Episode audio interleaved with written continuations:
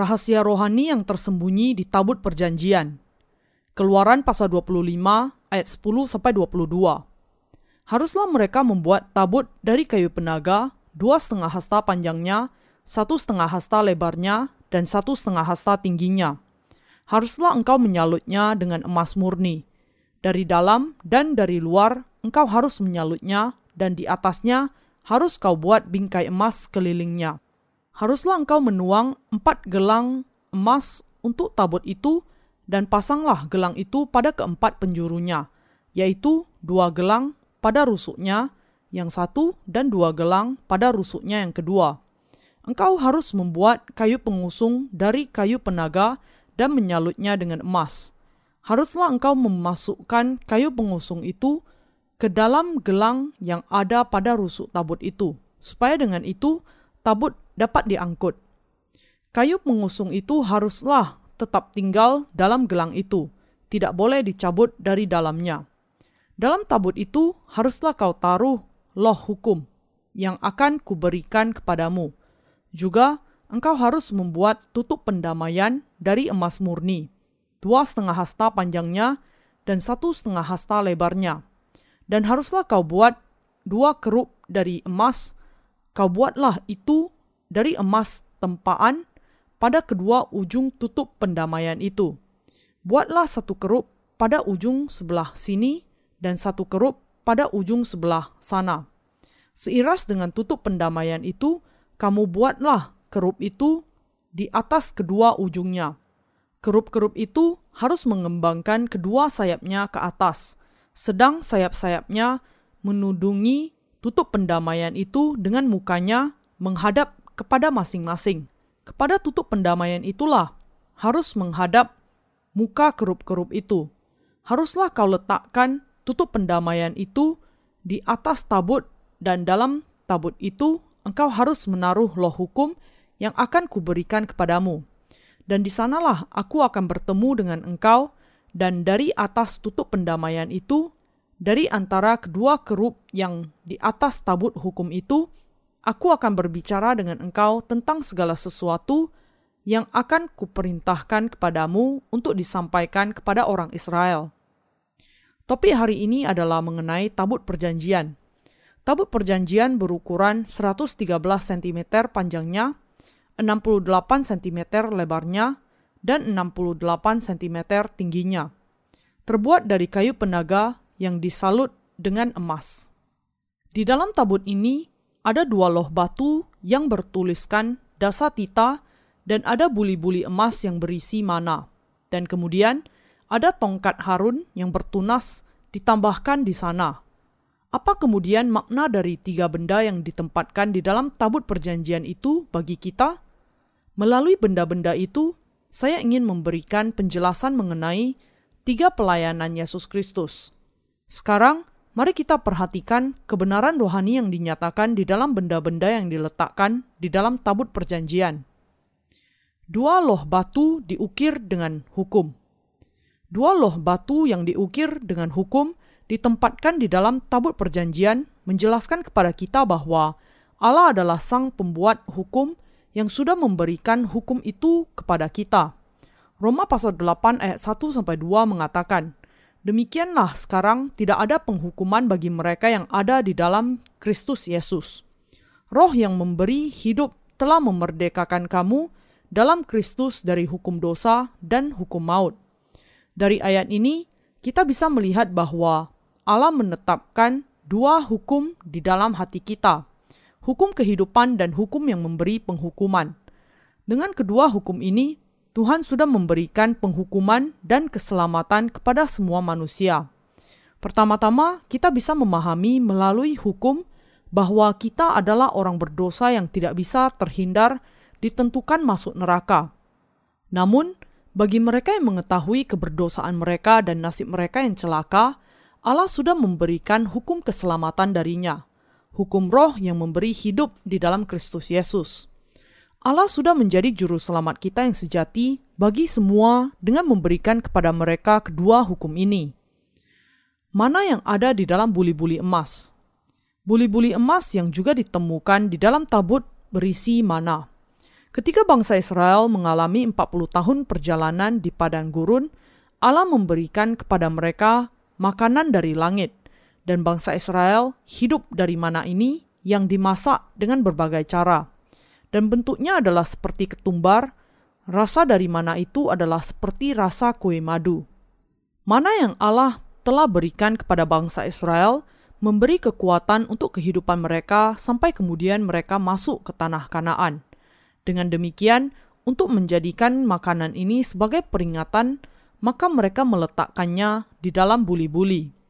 Ini menjelaskan kepada kita bahwa kita, orang-orang percaya zaman ini, juga harus makan roti kehidupan yang harus dimakan oleh semua anak-anak Allah, sementara mereka masih di dunia ini sampai mereka masuk surga.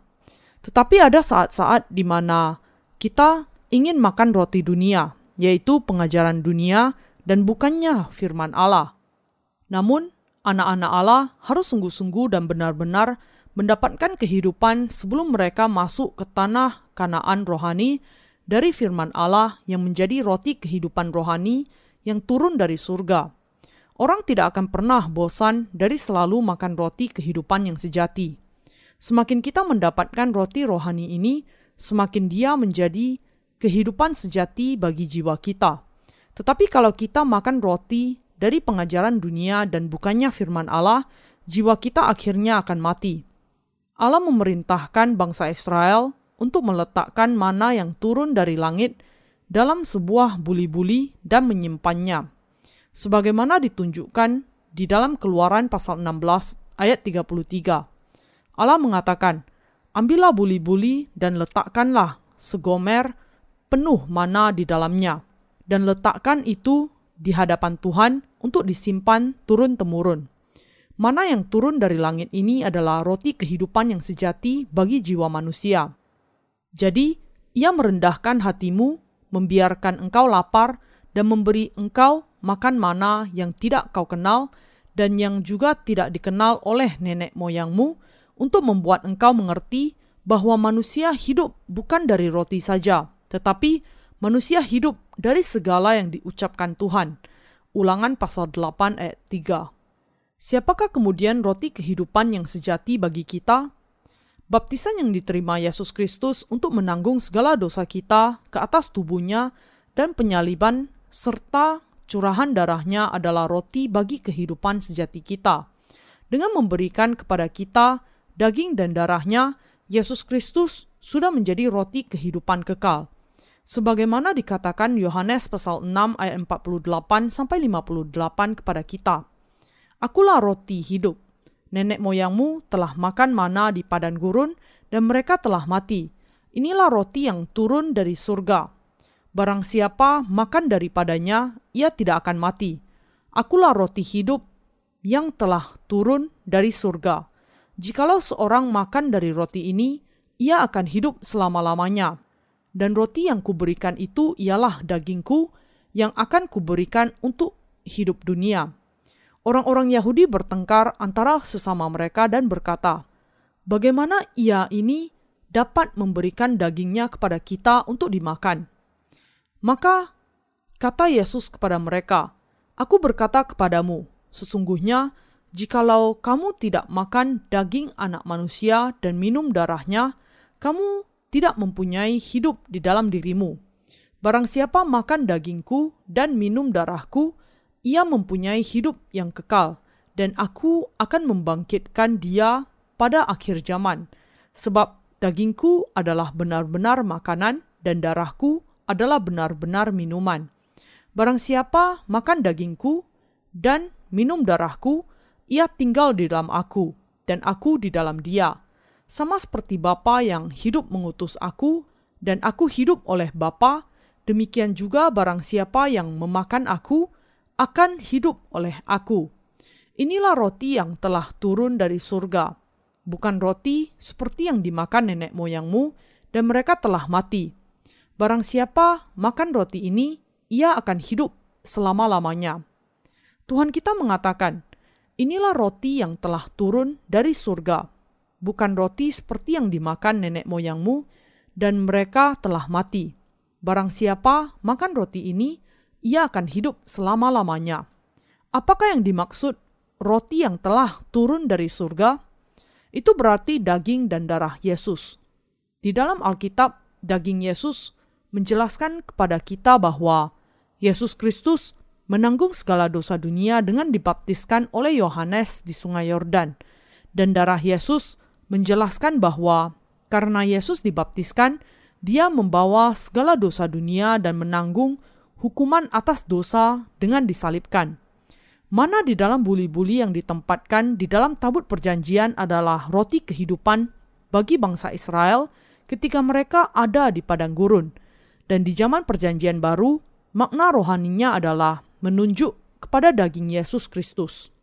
Kebenaran ini menunjukkan kepada kita baptisan yang melaluinya Yesus Kristus menanggung semua pelanggaran orang berdosa dan darah yang dicurahkannya di atas kayu salib. Karena Yesus Kristus menanggung segala dosa dunia ke atas tubuhnya melalui baptisannya dan mencurahkan darahnya serta mati di atas kayu salib, baptisan dan curahan darahnya sudah menjadi mata air kekal untuk kehidupan baru yang memampukan orang percaya untuk dilahirkan kembali. Daging yang diberikan Yesus untuk menanggung kelemahan orang berdosa melalui baptisan dan darah yang dicurahkannya di atas kayu salib adalah roti kehidupan yang memampukan semua orang berdosa untuk menerima pengampunan dosa.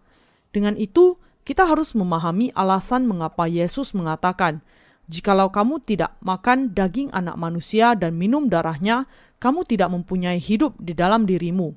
Yohanes pasal 6 ayat 53. Siapa yang lebih besar? Ketika kita memperhatikan Yohanes pasal 6, kita bisa melihat bahwa kebanyakan orang Yahudi pada saat itu menganggap Musa lebih besar dibandingkan dengan Yesus. Ketika Yesus datang ke bumi ini, mereka bertanya kepadanya, "Apakah engkau lebih besar dibandingkan dengan bapa kami Musa?" Sebenarnya mereka menganggap Musa lebih besar dari semuanya, karena orang Yahudi sudah gagal mengenal Yesus sebagai Mesias mereka melihat dia sebagai pengganggu. Karena itu, mereka menantang dia dengan menanyakan, "Apakah engkau lebih besar dibandingkan dengan bapa kami Musa?" Bangsa Israel percaya kepada Allah Jehovah dan kemudian datanglah seorang muda berusia 30 tahun yang mengatakan, "Nenek moyangmu telah makan mana di padang gurun dan mereka telah mati. Barang siapa makan dari roti yang akan aku berikan, dia tidak akan mati. Inilah sebabnya mereka kemudian membandingkan di antara keduanya, Musa dan Yesus. Sebagaimana yang dikatakan Yesus selanjutnya, sebelum Abraham jadi, aku telah ada. Dia adalah lebih besar dibandingkan dengan manusia yang mana pun di dalam sejarah, karena dia adalah pencipta sendiri. Bagaimana mungkin ciptaan berani melawan yang sebenarnya menjadi pencipta mereka? Meski demikian, beberapa orang masih mengatakan bahwa Yesus hanyalah guru yang agung, hanya sekedar tokoh hebat dalam sejarah manusia. Ini penghujatan. Yesus adalah Allah, raja atas segala raja dan pencipta alam semesta. Dia adalah Allah yang maha kuasa dan maha tahu, tetapi dia merendahkan dirinya dan datang ke bumi ini dalam rupa manusia untuk menyelamatkan Anda dan saya dari dosa-dosa dan kematian kekal, untuk menjadi juru selamat kita yang sejati. Yesus Kristus mengatakan, ada tertulis dalam kitab nabi-nabi, dan mereka semua akan diajar oleh Allah. Dan setiap orang yang telah mendengar dan menerima pengajaran dari Bapa datang kepadaku. Hal itu tidak berarti bahwa ada orang yang telah melihat Bapa, hanya dia yang datang dari Allah, dialah yang telah melihat Bapa. Pada akhirnya Yesus mengatakan bahwa dia adalah Kristus yang dinantikan oleh orang-orang Yahudi. Tetapi mereka gagal untuk mengerti apa yang dikatakan Yesus dan tidak bisa percaya atau menerimanya dan ini mengakibatkan kesalahpahaman yang sangat serius karena mereka bertanya-tanya, "Bagaimana engkau bisa memberikan dagingmu untuk kami makan?" Apakah engkau mengatakan bahwa kami akan mendapatkan kehidupan kekal kalau kami sungguh-sungguh makan dagingmu dan minum darahmu? Apakah engkau berpikir kalau kami adalah sekelompok kanibal di sini?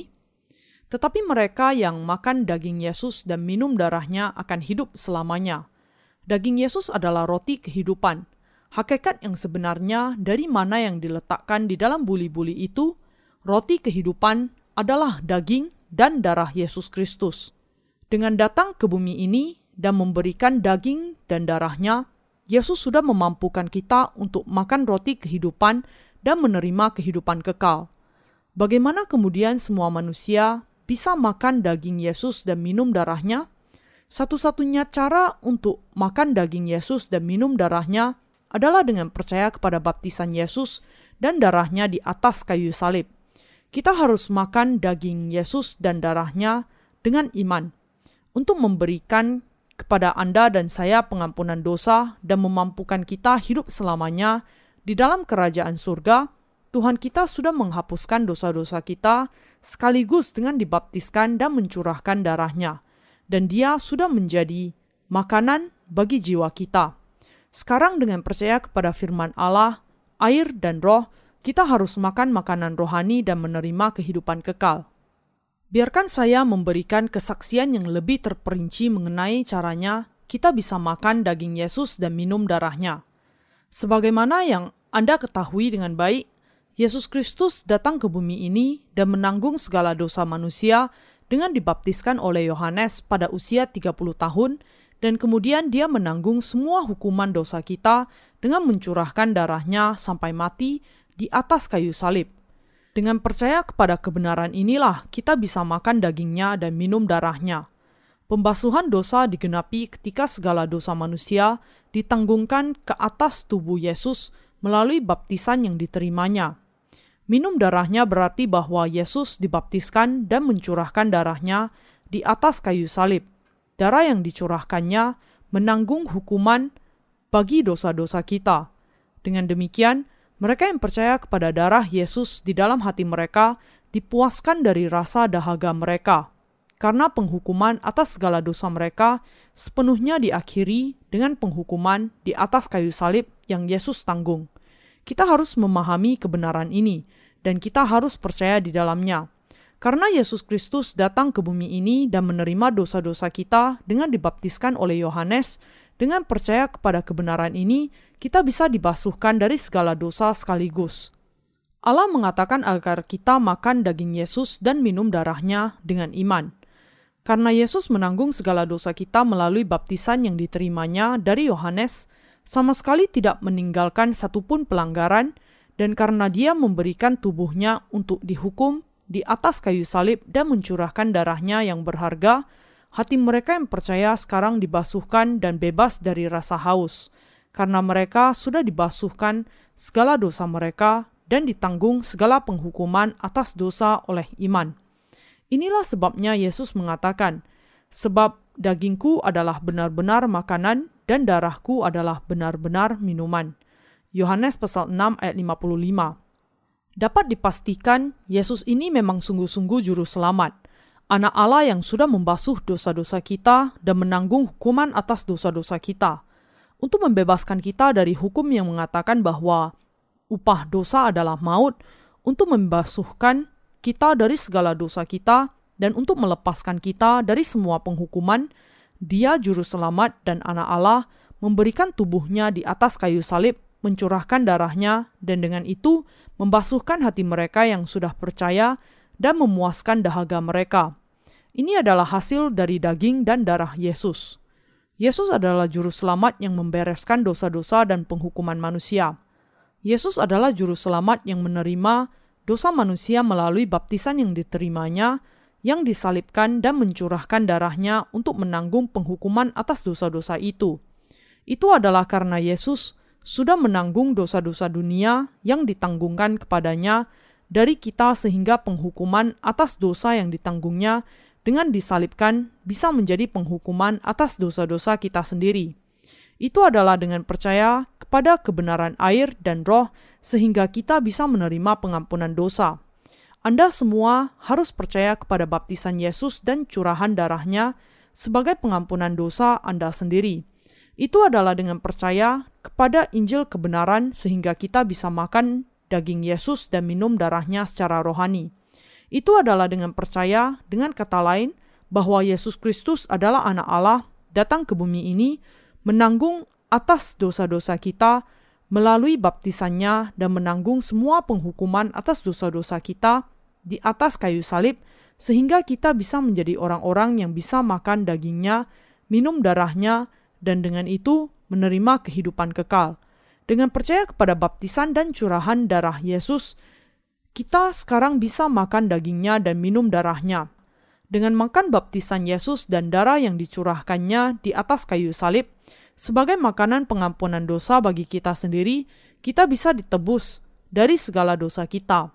Itu adalah melalui iman ini sehingga kita bisa menerima pengampunan dosa-dosa kita, menjadi anak-anak Allah dan hidup selamanya di dalam kerajaan Allah tongkat Harun yang bertunas. Di antara barang-barang yang diletakkan di dalam tabut perjanjian, tongkat Harun yang bertunas menunjuk kepada Yesus Kristus sebagai imam besar kekal dari kerajaan surga. Ini juga menjelaskan bahwa kehidupan kekal ditemukan di dalam Dia.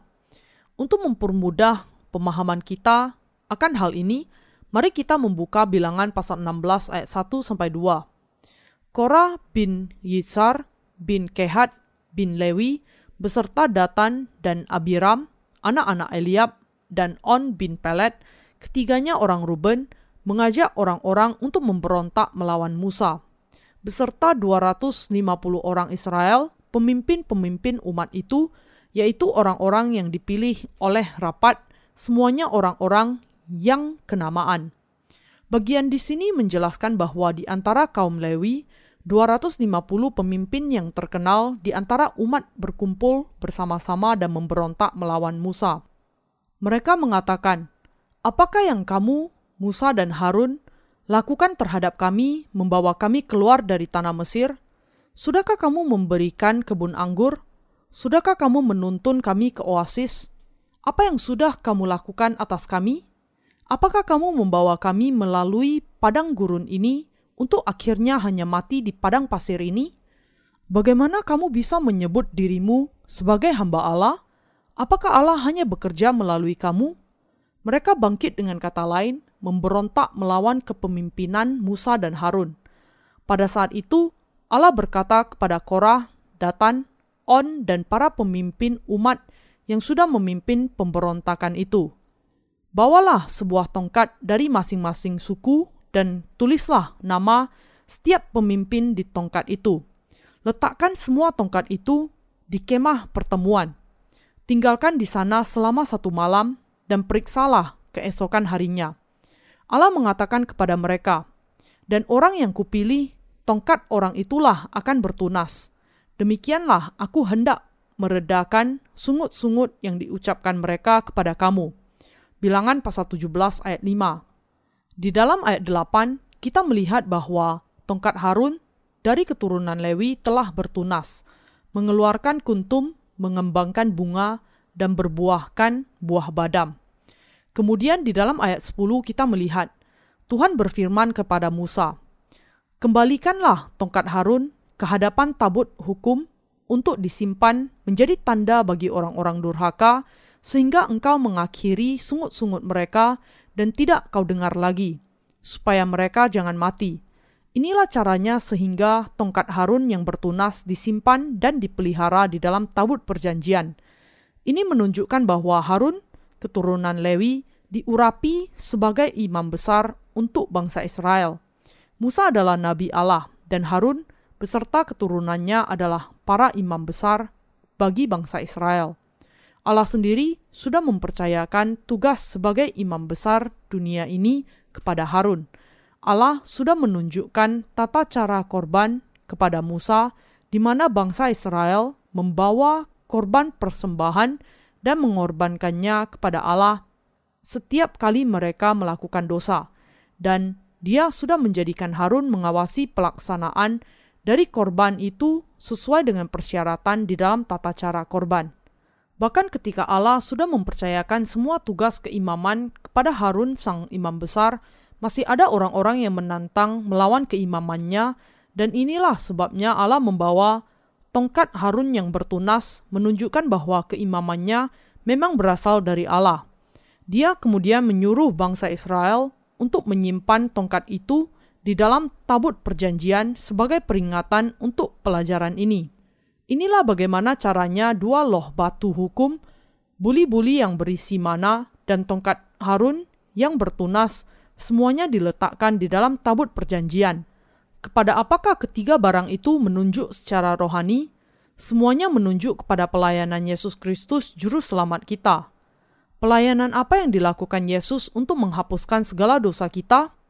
Pertama-tama, Dia menggenapi pelayanan sebagai nabi. Dia adalah Alfa dan Omega. Dia tahu awal dan akhir, dan Dia sudah mengajarkan kepada kita tentang yang pertama dan yang terakhir. Tuhan kita sudah tahu apa yang akan terjadi kepada manusia, kepada Anda dan saya, kalau kita masih tetap berdosa. Kedua, Dia sudah datang sebagai imam besar kekal dari kerajaan surga. Dia datang ke bumi ini karena Dia mau menyelamatkan kita dari dosa dengan menjadi juru selamat kita sendiri, untuk menyelamatkan kita sepenuhnya dengan menjadi imam besar kita yang sejati dari kerajaan surga. Ketiga, Yesus Kristus adalah Raja kita. Alkitab mengatakan, dan pada jubahnya dan pahanya tertulis suatu nama, yaitu Raja segala Raja dan Tuan di atas segala Tuan. Wahyu pasal 19 ayat 16. Dia adalah sang pencipta alam semesta sendiri, dan dengan itu memiliki kedaulatan untuk memerintah atas segala sesuatu yang ada di dalamnya. Kita semua harus menyadari bahwa Yesus Kristus yang adalah Raja kita yang sejati, Nabi yang sudah mengajar kepada kita kebenaran keselamatan kita dari dosa, dan imam besar kekal dari surga, sekarang sudah menjadi juru selamat kita yang sejati.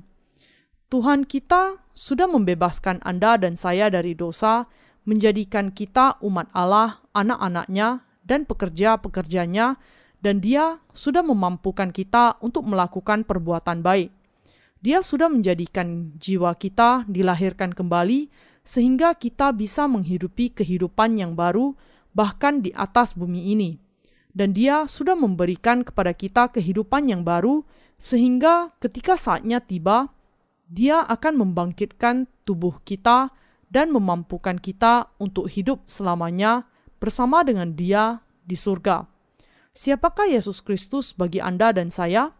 Dia adalah juru selamat kita yang sejati, dan Yesus Kristus adalah nabi kita, imam besar yang kekal dan raja kita.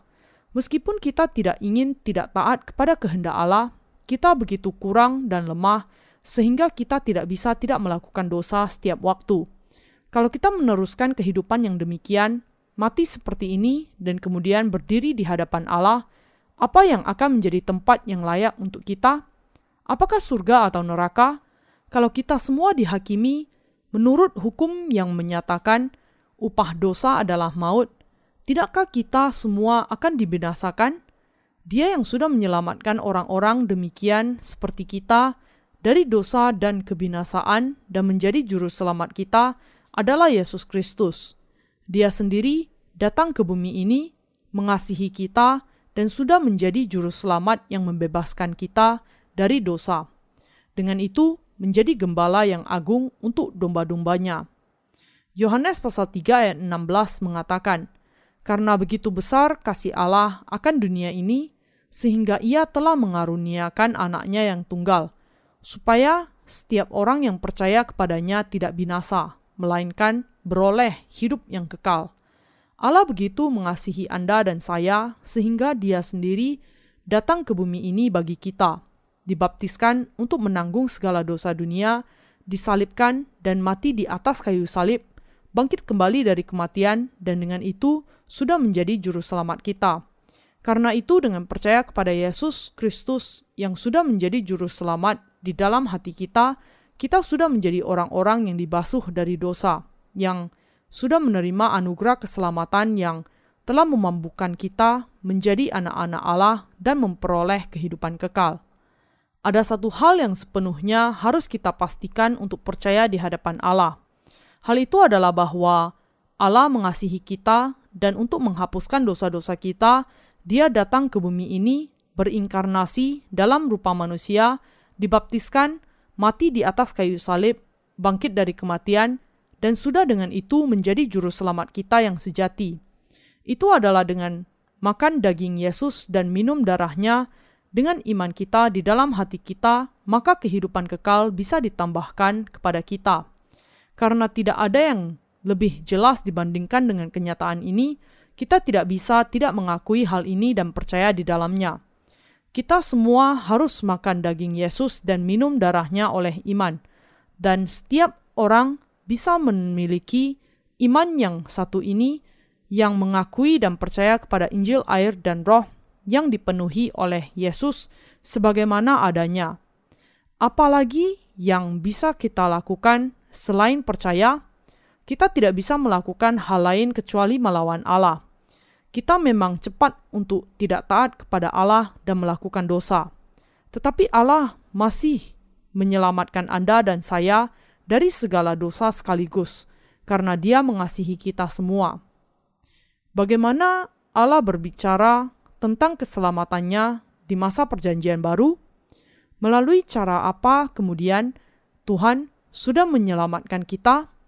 Di dalam Perjanjian Lama, Dia berbicara tentang keselamatan ini melalui warna yang dinyatakan di pintu kemah suci dan pakaian yang dikenakan oleh imam besar.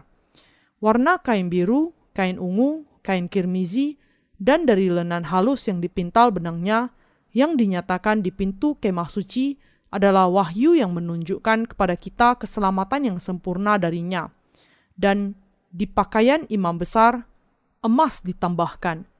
Kain biru menjelaskan kepada kita bahwa Yesus Kristus datang ke bumi ini sebagai juru selamat kita dan menanggung dosa-dosa kita dengan dibaptiskan. Kain ungu menjelaskan kepada kita bahwa Yesus Kristus adalah Raja segala raja dan Allah pencipta yang menciptakan alam semesta. Kain kirmizi menjelaskan bahwa karena Yesus Kristus sudah menanggung segala dosa kita melalui baptisannya, dia membawa segala dosa dunia dan dihukum untuk mereka di atas kayu salib dengan mencurahkan darahnya dan mati. Dengan itu, memberikan kita keselamatan yang sudah membebaskan kita dari penghukuman atas dosa-dosa kita.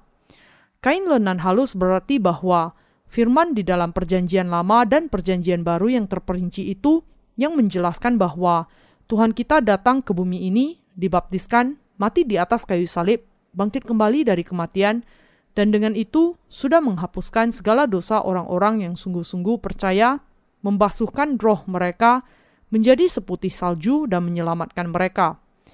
Kain emas menunjukkan kepada iman yang percaya akan apa yang telah dilakukan Yesus Kristus kepada kita. Inilah sebabnya kain emas bersinar, anda dan saya tidak memiliki sesuatu pun yang bisa dimegahkan. Tetapi ketika kita sepenuhnya percaya kepada yang Yesus Kristus, Allah sendiri, dan anak Allah, sudah lakukan untuk kita. Kita bisa sungguh-sungguh mengenakan kasih Allah, menerima berkat-berkatnya, dan dihiburkan olehnya hanya dengan memiliki iman kepada karya kebenaran yang sudah dilakukannya. Inilah yang Allah jelaskan kepada kita melalui kemah suci kita harus memahami apa yang dikatakan Allah kepada kita melalui tabut perjanjian yang ditempatkan di dalam kemah suci. Kita harus mengerti dan percaya bahwa Yesus Kristus datang ke bumi ini menanggung segala dosa manusia dan semua dosa kita dengan dibaptiskan oleh Yohanes Pembaptis, menanggung hukuman atas dosa kita dengan mati di atas kayu salib dan bangkit kembali dari kematian untuk hidup kembali. Melalui tabut perjanjian, Allah membuatnya menyatakan bahwa kita harus percaya kepada Yesus Kristus sebagai juru selamat, sebagai Allah kita sendiri. Mereka yang percaya kepada baptisan Yesus yang menanggung dosa-dosa mereka sendiri kepada curahan darah Yesus Kristus di atas kayu salib sebagai penghukuman atas dosa-dosa mereka di dalam kematian Yesus Kristus sebagai kematian mereka sendiri kepada kebangkitannya sebagai kebangkitan mereka sendiri, semuanya itu adalah orang-orang yang Allah sudah selamatkan. Jadi, kepada siapa kemah suci menunjuk? Dia menunjuk kepada Yesus Kristus. Dia menjelaskan kepada kita cara keselamatan yang melaluinya Yesus Kristus sudah menyelamatkan Anda dan saya dari dosa-dosa kita. Di dalam Perjanjian Baru, Yesus Kristus yang sudah dibaptiskan dan mati di atas kayu salib Dengan itu, menghapuskan segala dosa kita, membasuhkan semuanya, dihukum untuk semua pelanggaran kita, dan menyelamatkan kita dari segala dosa kita sekaligus. Di Perjanjian Lama adalah korban persembahan yang menyelamatkan orang-orang berdosa dengan menerima semua pelanggaran mereka ketika tangan mereka ditumpangkan ke atas kepala korban dan dengan mencurahkan darahnya serta mati. Perjanjian Lama menjelaskan kematian korban persembahan yang menanggung dosa-dosa orang berdosa itu melalui penumpangan tangan dan mati menggantikan mereka sebagai kematian pendamaian. Tata cara korban pendamaian yang dinyatakan di dalam Perjanjian Lama ketika disejajarkan kepada perjanjian baru menunjuk kepada Yesus Kristus yang menggenapi Injil air dan roh yang datang dalam baptisan dan darah. Siapa kemudian yang menetapkan hukum keselamatan ini? Allah juru selamat kita yang menetapkannya. Allah membuat hukum keselamatan yang membebaskan orang berdosa dari dosa, dan Dia sudah memberikan hukum ini kepada kita. Di dalam tabut perjanjian, ada dua loh batu hukum, buli-buli berisi mana, dan tongkat Harun yang bertunas. Dan semuanya itu menjelaskan kepada kita tentang sifat dan pelayanan yang dikerjakan oleh Yesus Kristus. Tongkat Harun yang bertunas menjelaskan bahwa Allah menyelamatkan kita ketika kita percaya kepada Yesus Kristus yang secara rohani menjadi imam besar di dalam kerajaan surga dan gembala agung kita. Buli-buli mana juga menjelaskan mengenai daging dan darah Yesus Kristus yang menjadi roti kehidupan bagi kita. Dua loh batu hukum juga menjelaskan kepada kita bahwa Allah adalah pembuat hukum. Hukum yang dibuat oleh Allah adalah hukum dosa dan kematian, serta hukum pengampunan dosa dan keselamatan. Sebagai Allah kita, Yesus sudah menetapkan hukum kehidupan dan hukum penghukuman bagi kita. Dengan demikian, tabut perjanjian dan semua yang di dalamnya berbicara kepada kita mengenai Yesus Kristus. Itu adalah dengan percaya kepada Yesus Kristus sebagai juru selamat kita bahwa kita bisa dibasuhkan dari segala dosa kita dan menerima keselamatan kita. Tidak peduli betapa banyak kekurangan dan kelemahan kita, kalau kita menerima dan mengikuti kedua hukum yang sudah ditetapkan Yesus Kristus, kita kemudian bisa menjadi orang berdosa sekali dan kemudian menjadi orang benar dengan menerima pengampunan atas segala dosa kita sekali lagi dan dengan itu menjadi umat Allah sendiri. Apakah Anda percaya? Sekarang, pada zaman ini, hampir semua orang Kristen di dunia ini cenderung untuk percaya kepada Yesus secara sia-sia, karena mereka tidak mengenal kebenaran yang dinyatakan di dalam kemah suci. Mereka percaya bahwa mereka bisa menerima pengampunan dosa hanya dengan percaya kepada darah Yesus di atas kayu salib saja. Mereka percaya dengan kata lain bahwa Yesus sudah menyelamatkan mereka hanya dengan darah di atas kayu salib. Tetapi apakah Yesus memang kenyataannya hanya mati di atas kayu salib bagi keselamatan kita? Apakah itu saja yang dilakukannya bagi penebusan kita? Tidakkah dia sebaliknya menanggung segala dosa dunia sekaligus dengan dibaptiskan oleh Yohanes? Matius pasal 3 ayat 13 sampai 15. 1 Petrus pasal 3 ayat 21, 1 Yohanes pasal 5 ayat 6. Namun orang Kristen zaman ini hanya percaya kepada darah Yesus di atas kayu salib, menerima pengampunan dosa hanya setengah saja. Jadi, dengan ditebus dari dosa asal mereka melalui percaya kepada Yesus Kristus sebagai juru selamat, mereka menaikkan doa-doa pertobatan setiap hari dalam usaha untuk membasuhkan dosa-dosa tindakan yang mereka lakukan atas diri mereka sendiri. Bukankah ini keselamatan yang sangat bertolak belakang? Ini seperti membasuh hanya setengah dari dosa-dosa mereka dengan iman, dan kemudian berusaha untuk dibasuhkan dari sisa dosa yang lain melalui upaya mereka sendiri.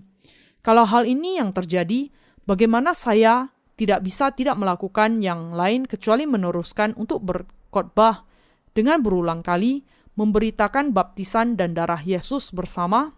Sampai saat ini, banyak orang Kristen di dunia ini, selain orang-orang Kristen di masa gereja mula-mula, sudah percaya kepada keselamatan yang isinya setengah ini. Bukankah ini sebabnya mengapa manusia zaman ini percaya kepada kekristenan seolah-olah itu hanya sekedar agama dunia saja?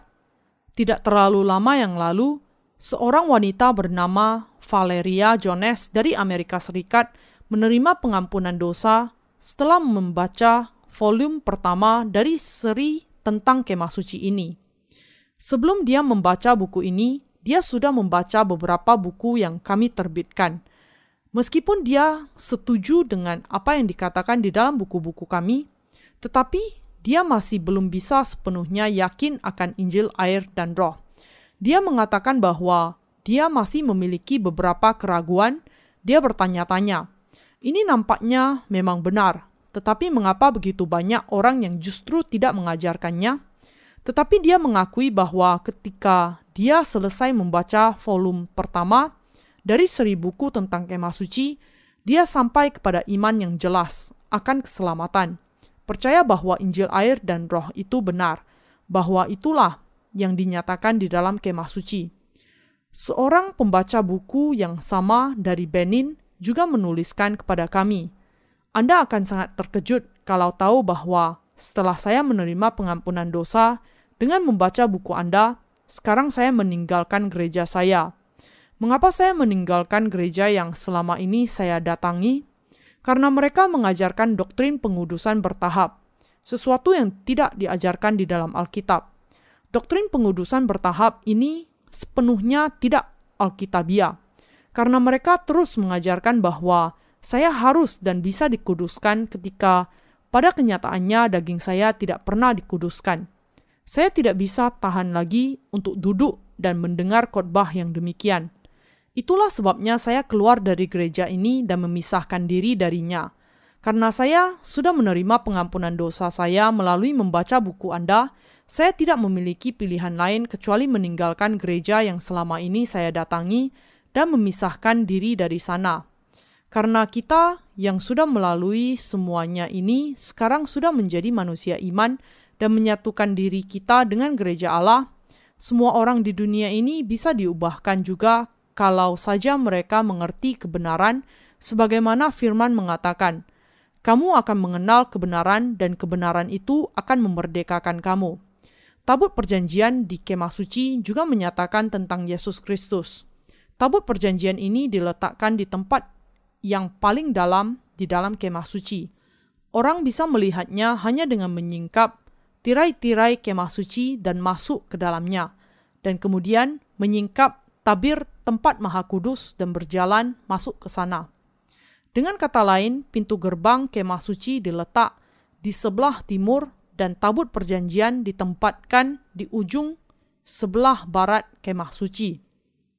Kayu pengusung tidak boleh dilepaskan dari tabut.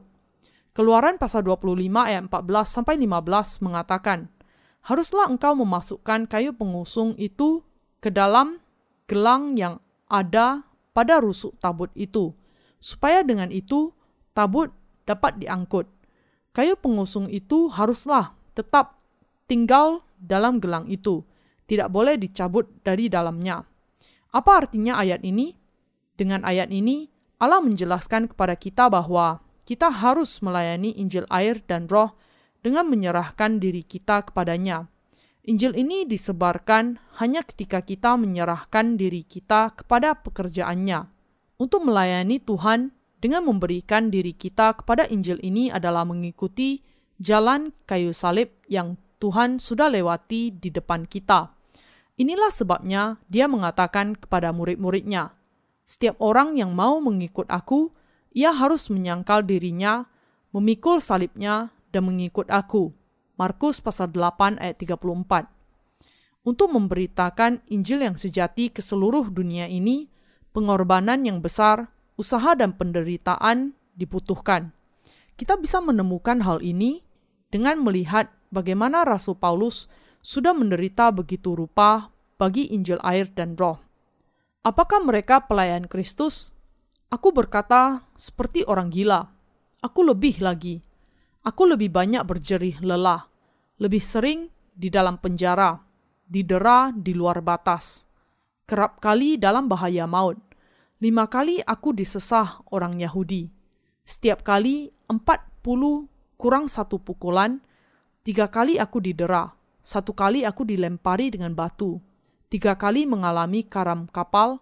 Sehari semalam aku terkantung-kantung di tengah laut. Dalam perjalananku, aku sering diancam bahaya banjir dan bahaya penyamun. Bahaya dari pihak orang-orang Yahudi dan dari pihak orang-orang bukan Yahudi. Bahaya di kota, bahaya di padang gurun, bahaya di tengah laut, dan bahaya dari pihak saudara-saudara palsu. Aku banyak berjerih lelah dan bekerja berat. Kerap kali aku tidak tidur. Aku lapar dan dahaga. Kerap kali aku berpuasa, kedinginan, dan tanpa pakaian.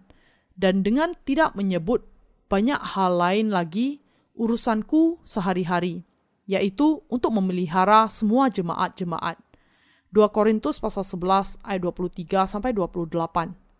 Namun orang-orang yang lebih mengasihi diri sendiri daripada mengasihi Tuhan yang memberikan dirinya untuk membebaskan mereka dari semua penghukuman mereka tidak akan bisa mengorbankan diri mereka untuk kerajaan Allah. Tidak ada jalan yang mudah untuk melayani Injil air dan roh. Bagaimana mungkin seorang petani mengharapkan panenan yang bagus tanpa mengeluarkan keringat? Demikian juga, tabut perjanjian harus dibawa dengan korban kita. Raja Daud pernah berusaha untuk membawa tabut itu dengan menggunakan kereta yang baru yang ditarik oleh lembu-lembu, dan bukannya membawanya menggunakan kayu pengungsung dengan dipikul sebagaimana seharusnya mengungsung tabut. Di jalan, lembu-lembu itu tergelincir dan seorang yang bernama Uza mengulurkan tangannya kepada tabut Allah dan memegangnya. Murka Tuhan bangkit terhadap Uza dan Allah memukul dia sampai mati di sana karena kesalahan ini. Uza mati di sana di dekat tabutnya. 2 Samuel pasal 6 ayat 1 sampai 7. Jadi Daud yang merasa ngeri oleh hal itu dan takut kepada Tuhan pada hari itu membawa tabut itu berbelok ke rumah Obed Edom orang Geti. Itu adalah hanya dengan memikul tabut itu di pundak para pengungsung saja akhirnya tiga bulan kemudian bisa membawa tabut itu ke istananya. Dari peristiwa ini menggambarkan kita harus membawa tabut perjanjian tepat sebagaimana yang dikatakan Allah. Dengan keringat dan darah kita, dengan pengorbanan kita, dengan penyerahan kita yang tidak goyah kepada Injilnya. Mereka yang sudah sungguh-sungguh menerima pengampunan dosa dengan ucapan syukur yang besar lebih berbahagia untuk mempersembahkan diri mereka kepada Tuhan yang sudah mempersembahkan dirinya bagi kita. Kita menaikkan syukur kita berulang-ulang kepada Allah, Juru Selamat dan Allah kita.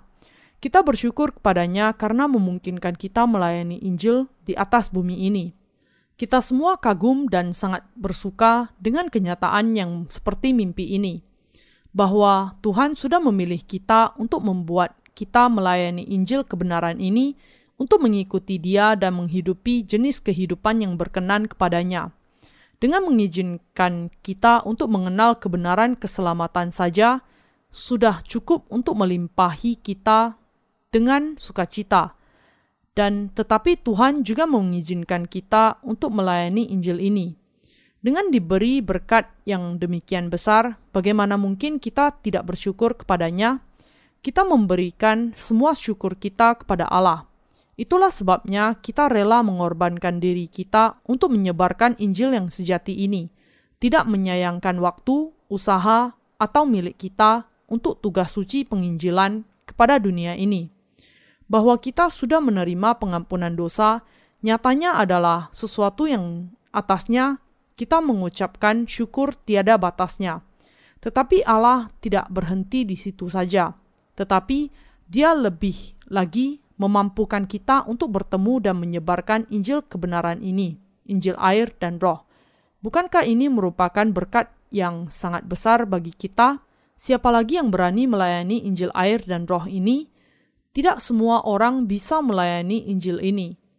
Bisakah para politikus melayaninya? Wali kota, presiden, raja? Tidak peduli bagaimanapun tingginya posisi sosial seseorang, kalau mereka tidak mengenal dan tidak percaya kepada Injil, air, dan roh, mereka tidak akan pernah bisa melayani Injil yang sejati. Tetapi Allah sudah memberikan kepada kita kesempatan yang demikian yang kita sebenarnya tidak layak menerimanya dan kemudian memampukan kita untuk melayani Injil ini. Bukankah ini berkat yang sangat besar? Saya bersyukur kepada Allah atas kasih karunia yang telah menyelamatkan kita. Saudara dan saudari, kita percaya bahwa Yesus Kristus adalah Allah dan Juru Selamat kita. Kita adalah umat Allah yang makan daging Yesus dan minum darahnya melalui iman rohani kita. Alkitab mengatakan bahwa Yesus bukanlah Allah atas mereka yang mati, tetapi atas yang hidup. Lukas pasal 20 ayat 38. Dan yang hidup di sini tidak lain orang-orang yang sudah menerima kehidupan kekal dengan percaya kepada Injil, air, dan Roh. Setiap orang yang tidak percaya kepada kebenaran Injil ini secara rohani mati, dan siapa saja yang percaya secara rohani hidup. Allah memang adalah Allah atas orang-orang yang percaya kepada Injil, air, dan Roh. Saudara dan saudari, Yesus sendiri sudah memberikan kepada kita pengampunan dosa melalui daging dan darahnya sendiri. Anda harus memahami bahwa kalau Anda tidak percaya kepada kebenaran ini, maka Anda tidak akan mendapat bagian apa pun di dalam Yesus. Yesus Kristus memberikan kepada Anda berkat surgawi, kehidupan kekal, dan pengampunan dosa Anda. Siapakah dia yang sudah menjadi gembala yang memberikan kepada Anda dengan berkat-berkat kekal yang memimpin dan memelihara Anda? Dia adalah Yesus Kristus, Sang Penggenap Injil, Air, dan Roh. Yesus adalah Allah ini. Saya berharap dan berdoa agar setiap Anda masing-masing akan percaya kepada Yesus sebagai Allah Anda. Bagi saya, tidak hanya saya percaya kepada kebenaran ini, dan melayani Allah saat ini. Tetapi saya akan senantiasa melakukannya juga di masa yang akan datang. Tetapi, bagaimana dengan Anda? Apakah Anda percaya kepada Injil, air, dan Roh? Dan apakah Anda percaya bahwa Anda harus berdiam di dalam gereja Allah dan kasih Kristus oleh iman Anda? Mari kita semua menghidupi kehidupan kita dengan percaya kepada Injil, air, dan Roh sampai datang harinya kita bertemu dengan Tuhan kita.